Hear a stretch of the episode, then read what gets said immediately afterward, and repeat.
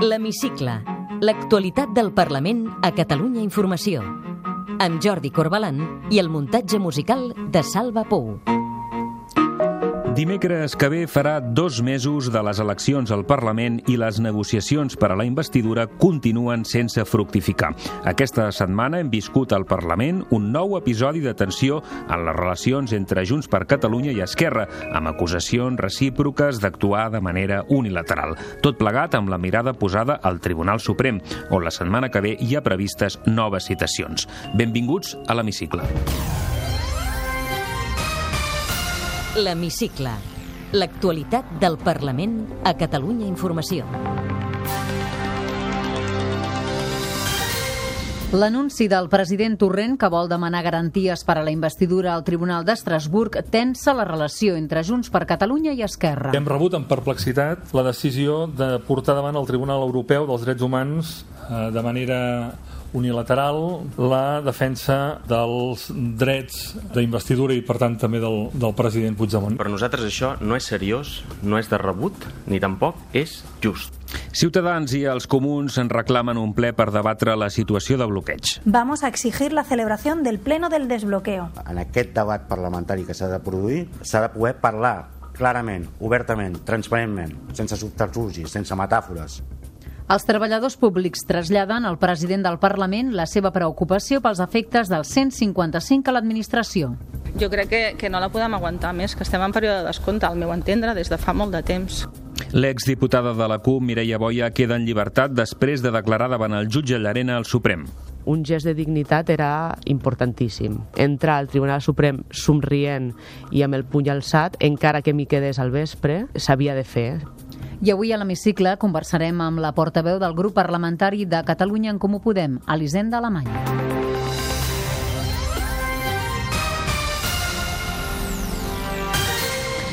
Doncs cada pas que es fa sembla que tensioni una mica més les relacions entre Junts per Catalunya i Esquerra enmig d'unes negociacions ja força complicades. La decisió que va anunciar dimarts passat el president del Parlament de demanar garanties al Tribunal d'Estrasburg per a la investidura de Puigdemont va irritar Junts per Catalunya i això va aprofundir el malestar que ja hi havia perquè Roger Torrent no havia inclòs a l'ordre del dia de la reunió de la mesa la tramitació de la reforma de la llei de la presidència sol·licitada per Junts per Catalunya per poder investir Puigdemont a distància. Ho expliquem amb Carme Montero. Després de la tensió que va provocar la decisió anunciada unilateralment pel president del Parlament d'ajornar el ple d'investidura del 30 de gener, dimarts es vivia un episodi semblant. Roger Torrent va anunciar la decisió d'impulsar una demanda de mesures cautelars davant el Tribunal Europeu de Drets Humans per preservar els drets de Puigdemont a sotmetre's al debat d'investidura. Junts per Catalunya va rebre l'anunci amb perplexitat, tot i que, segons fons de la presidència del Parlament, Torrent ho havia comunicat prèviament al vicepresident primer i diputats de Junts per Catalunya, Josep Costa. El portaveu d'Esquerra, Sergi Sabrià, va corroborar aquesta versió. Sentim Sabrià i la rèplica de Josep Costa en declaracions a TV3. Abans de fer-ho públic, el president Torrent comunica la seva intenció d'impulsar-ho al vicepresident primer i membre de Junts per Catalunya, Josep Costa, sense que hi hagués per part d'aquest cap mena d'oposició. No era una decisió de mesa, de fet, eh, és l'únic que jo vaig parlar amb el president, que és que el Parlament com a institució ni la mesa com a òrgan de la, del Parlament uh -huh. no poden fer actuacions davant el Tribunal d'Estrasburg, que és una qüestió que només poden fer les persones físiques. En aquest cas podrien fer els diputats a títol eh, individual per tant, eh, no era una cosa que estigués eh, a l'ordre del dia. Junts per Catalunya creu que la decisió de portar a la investidura a Estrasburg amb una petició de mesures cautelars és arriscada i pot perjudicar l'estratègia de defensa de Puigdemont. Feia dies que la tensió entre Junts per Catalunya i Esquerra aflorava als passadissos del Parlament, però dimarts va esclatar en públic. Sentim el portaveu adjunt de Junts per Catalunya, Eduard Pujol, i el portaveu del grup republicà, Sergi Sabrià. Hem rebut amb perplexitat i és la decisió de portar davant el Tribunal Europeu dels Drets Humans eh, de manera unilateral la defensa dels drets d'investidura i per tant també del, del president Puigdemont. Per això estem perplexos, al veure que quan el president Torrent porta a la pràctica la seva proposta, la que busca protegir els drets del president Puigdemont, també s'endú retrets. I per nosaltres això no és seriós, no és de rebut, ni tampoc és just. A tot això, el Parlament ha entregat aquesta setmana al Tribunal Constitucional les al·legacions eh, contra la impugnació per part del govern central de la investidura de Carles Puigdemont. En aquest escrit d'al·legacions es diu que el Tribunal Constitucional ha usurpat funcions que no li són pròpies. L'Hemicicle. El Parlament a Catalunya Informació. De fet, les relacions entre Junts per Catalunya i Esquerra també s'havien enterbolit eh, dimarts després que el president del Parlament havia decidit no incloure a l'ordre del dia de la reunió de la mesa la proposta del grup de Puigdemont de reformar la llei de presidència, una proposta que Junts per Catalunya havia registrat el divendres anterior sense el suport d'Esquerra. Una modificació legislativa que defensa Junts per Catalunya per fer possible una investidura a distància des de Brussel·les. Fons de la presidència del Parlament justifiquen que no es tractés a la reunió de mesa per la incompatibilitat de demanar que la reforma es tramiti per la via d'urgència i en lectura única. Junts per Catalunya creu, en canvi, que no hi ha cap defecte formal. Malgrat el soroll i els retrets, els negociadors han tingut aquests últims dies contactes discrets per mirar de refer els ponts de diàleg. Junts per Catalunya i Esquerra sí que s'han posat d'acord perquè es pugui constituir la comissió del reglament de la cambra, que seria l'encarregada de tramitar una eventual reforma del reglament per permetre també una investidura a distància. La Junta de Portaveus, però, encara ha de fixar el nombre total de diputats que tindran les comissions d'aquesta legislatura per fer la distribució dels representants dels grups parlamentaris. Una decisió transcendent, perquè en depèn la formació de majories a les comissions en funció de la representació que hi puguin tenir els subgrups parlamentaris de la CUP i del Partit Popular que formen el grup mixt. La intenció és constituir la comissió del reglament i les sis comissions no legislatives que funcionen a la cambra. La resta de comissions no es podran constituir fins que hi hagi investidura. L'Hemicicle. L'actualitat del Parlament a Catalunya Informació. Els partits constitucionalistes mouen fitxa davant l'evidència que la investidura continua encallada. Ciutadans ja ha registrat la sol·licitud perquè el president del Parlament convoqui immediatament un ple per debatre la situació de bloqueig. Els comuns també volen un ple per debatre-hi una resolució. La líder de Ciutadans, Inés Arrimadas, anunciava que el seu partit forçarà la celebració d'un ple si el president del Parlament no convoca immediatament una ronda, una nova ronda de consultes amb els grups per plantejar un candidat alternatiu. Si el señor eh, Turren sigue atrincherado como abogado de Puigdemont en el Parlamento, pues nosotros evidentemente pediremos que se celebre este pleno extraordinario y queremos que sea un ejercicio político de transparencia, de desbloqueo y en el que los partidos independentistas van a tener que explicar muchas cosas a los ciudadanos. El cap de files de Catalunya en Comú Podem, Xavier Domènech, planteja també la necessitat de celebrar un ple. Els comuns han registrat una resolució de 5 punts en què referma que el Parlament representa la sobirania del poble de Catalunya, insta el president Roger Torrent a fer el possible per desbloquejar la situació i es reclama també l'establiment d'un govern efectiu que pugui restablir l'autogovern. Portaran aquesta proposta a la mesa i la Junta de dimarts que ve per intentar que es convoqui un ple per debatre-la. En aquest debat parlamentari que s'ha de produir eh, s'ha de poder parlar clarament, obertament, transparentment, sense subterfugis, sense metàfores. S'ha de poder expressar claríssimament quines són les estratègies que cada grup té per sortir del desbloqueig. El socialista Miquel Iceta i el popular Xavier García Albiol han adreçat també escrits al president del Parlament, Roger Torrent, demanant que obri de seguida una nova ronda de converses per trobar una sortida legal i possible al bloqueig. Socialistes i populars qualifiquen de postureig la decisió de Torrent de portar la investidura al Tribunal d'Estrasburg. Escoltem la portaveu socialista Eva Granados i el popular Alejandro Fernández. Ens sembla una fugida d'estudis. Tenim la sensació que no va enlloc. Eh? Primer, formalment, perquè és un tribunal de darrera instància i no s'han esgotat. Una claríssima guerra freda entre Esquerra Republicana i Puigdemont i els seus partidaris.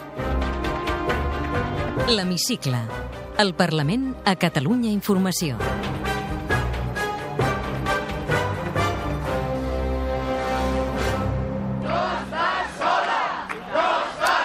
Les negociacions per la investidura estan aquests dies condicionades també per les declaracions de la cúpula del procés independentista davant el jutge del Suprem, Pablo Llarena.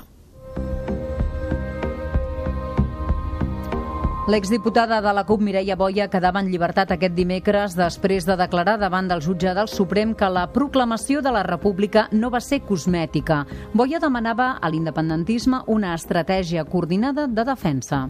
Potser sí que hauríem de crear algun tipus de comitè per coordinar totes les defenses i defensar-la en termes polítics, perquè no és una causa eh, processal, no és justícia, sinó que des de Madrid el jutge Llarena, la Fiscalia, està fent política i per tant nosaltres hem de fer política als tribunals de Madrid. Aquest dilluns declararan davant del jutge Llarena la secretària general d'Esquerra Marta Rovira i la coordinadora nacional del PDeCAT Marta Pascal. Dimarts ho faran l'expresident Artur Mas i l'expresidenta de l'AMI Neus Lloberes. Finalment, dimecres està cridada a declarar l'exdiputada de la CUP, Anna Gabriel.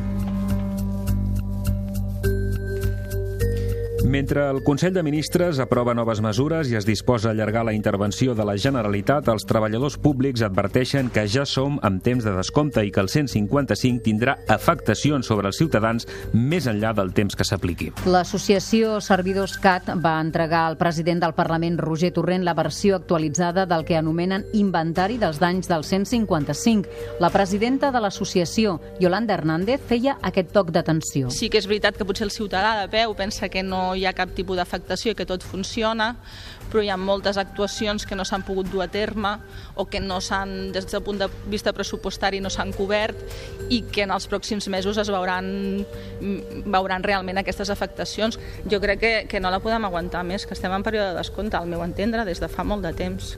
El secretari autonòmic del Sindicat de Funcionaris, CECIF, Eugenio Zambrano, es reunia a la mateixa hora al Parlament amb la líder de Ciutadans, Inés Arrimadas. Aquest sindicat comparteix la preocupació pels efectes del 155, però en aquest cas apressen el govern central a prendre decisions. Hay un gobierno y si no tenemos ahora mismo un gobierno de la Generalitat, pues el gobierno central tendrá que empezar a gestionar con responsabilidad todas las cuestiones que ahora mismo aquí están paradas. L'Hemicicle. Aquesta setmana, Carme, al Parlament han passat més coses. Sí, representants del Pacte de Barà han traslladat al president Roger Torrent la seva indignació per l'incompliment per part del Ministeri de Foment del pacte, segons el qual a partir de l'1 de gener s'impedia la circulació de vehicles pesants per la Nacional 340 i es desviaven per la P7. Eva Maria Serramià, presidenta del Consell Comarcal del Baix Penedès, no dubta que l'incompliment obeeix a raons polítiques. El fet de la situació política a Catalunya és el que ha produït això també.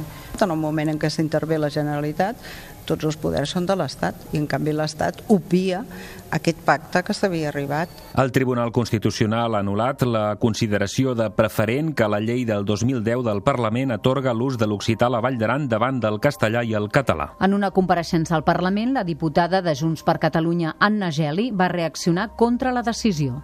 Set anys d'empuix, set, vedem que tant és que governaven en aquest moment com és que governen ara, aproven aquesta indigna mesura. Una mesura que, un cop més, fomenta la submissió der aranès que patís per a seva superviuença.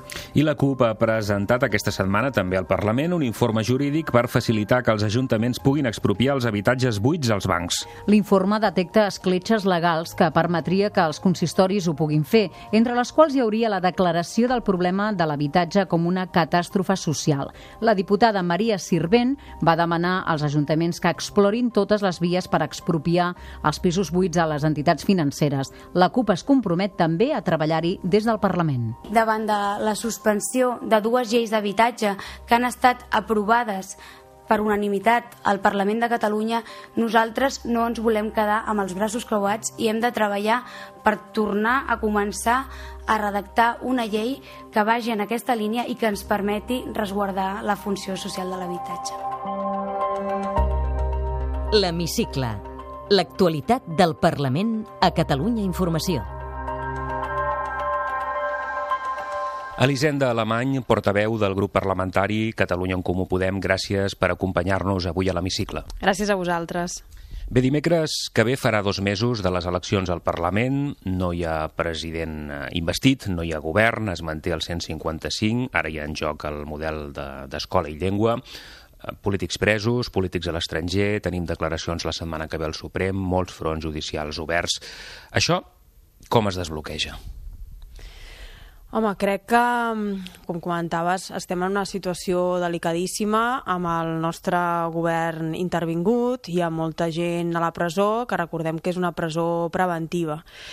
El Partit Popular, eh, com, com hem dit moltes vegades, el tenim ficat fins, fins a la cuina, no? I les darreres notícies demostren que el que vol és intentar governar Catalunya d'una manera que no pot eh, ser democràtica, no? perquè actualment doncs, és una força gairebé extraparlamentària amb quatre diputats al Parlament i ara mateix doncs, el que ha intentat amb l'escola catalana és atacar un dels consensos més, més majoritaris de la, de la nostra societat. El Partit Popular és aquest partit que recordem que dona diner públic també a les escoles que s'agreguen per sexe i que a més a més doncs, ara encara no en té prou que ataca, com dèiem, el que ha estat sempre un model de cohesió com és l'escola catalana i si algú es pensava que l'aplicació de l'article 155 eh, seria quirúrgica, no? així ho va defensar el Partit Socialista, doncs demostra que, que s'equivocava i és hora que també doncs,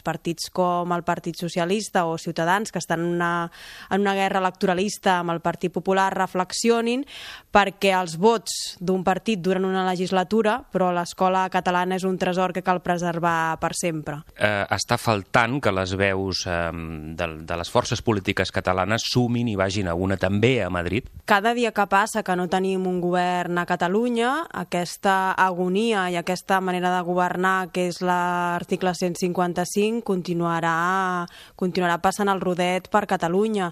Nosaltres, des de Catalunya en Comú Podem, no volem ni un Parlament externalitzat perquè eh, amb un govern simbòlic o amb la proposta d'un president simbòlic no aconseguirem acabar amb l'aplicació de l'article 155, però tampoc el volem comandat per la senyora Soraya Sáenz de Santa Maria.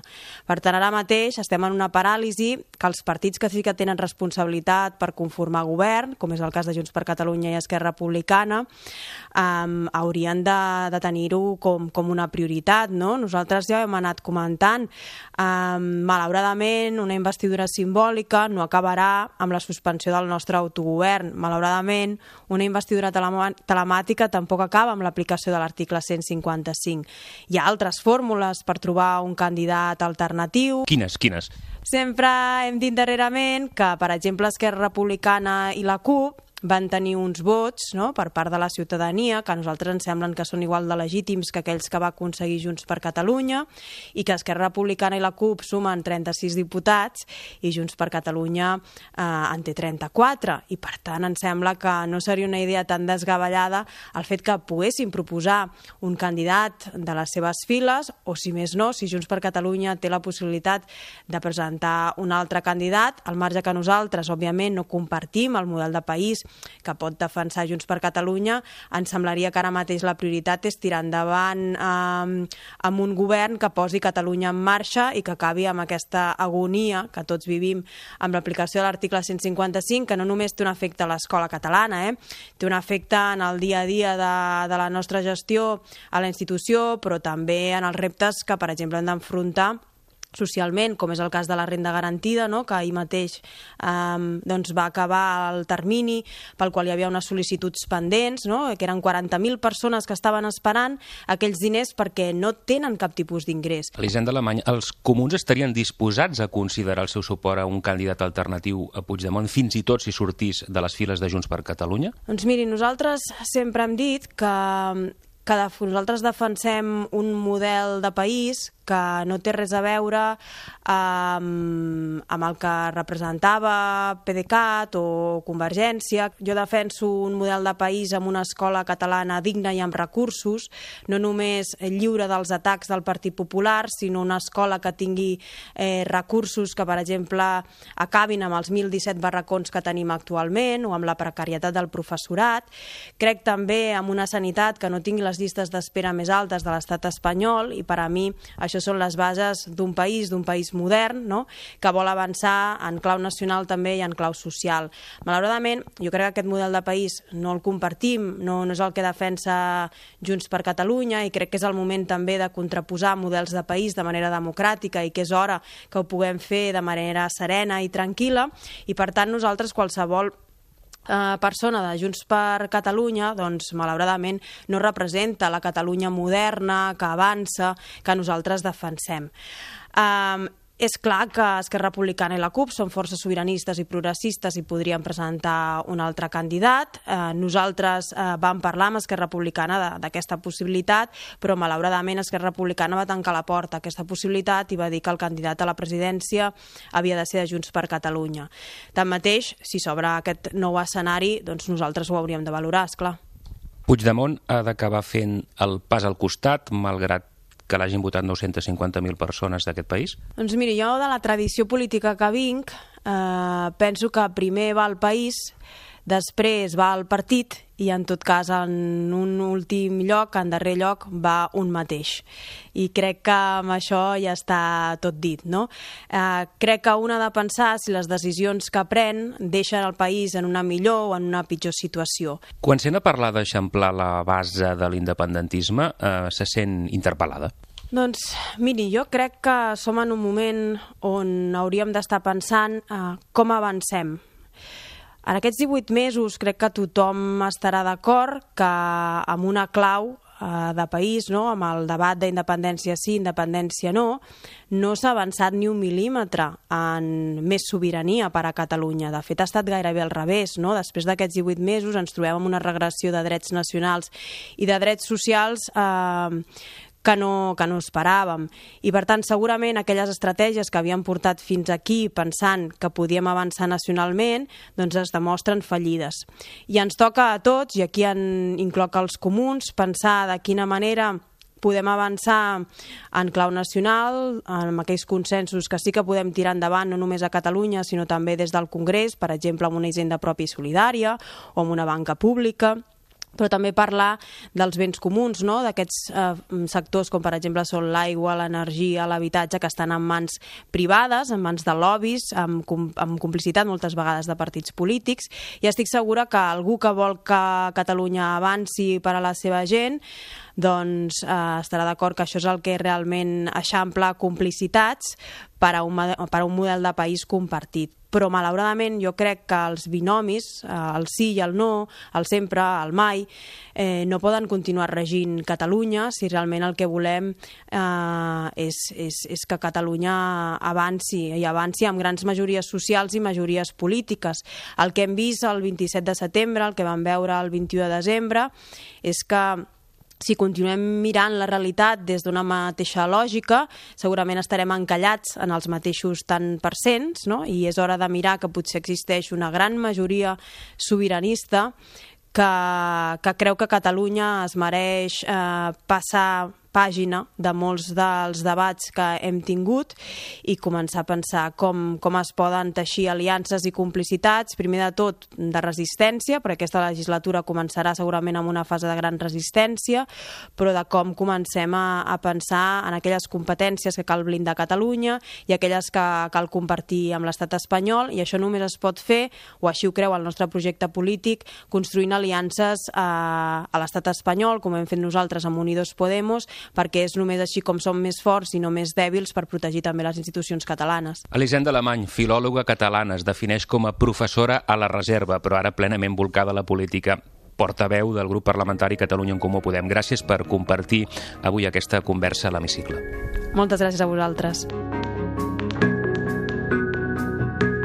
Podeu tornar a escoltar l'hemicicle al web catradio.cat barra hemicicle i seguir l'actualitat del Parlament a través del Twitter a arroba hemicicle i arroba cati-política.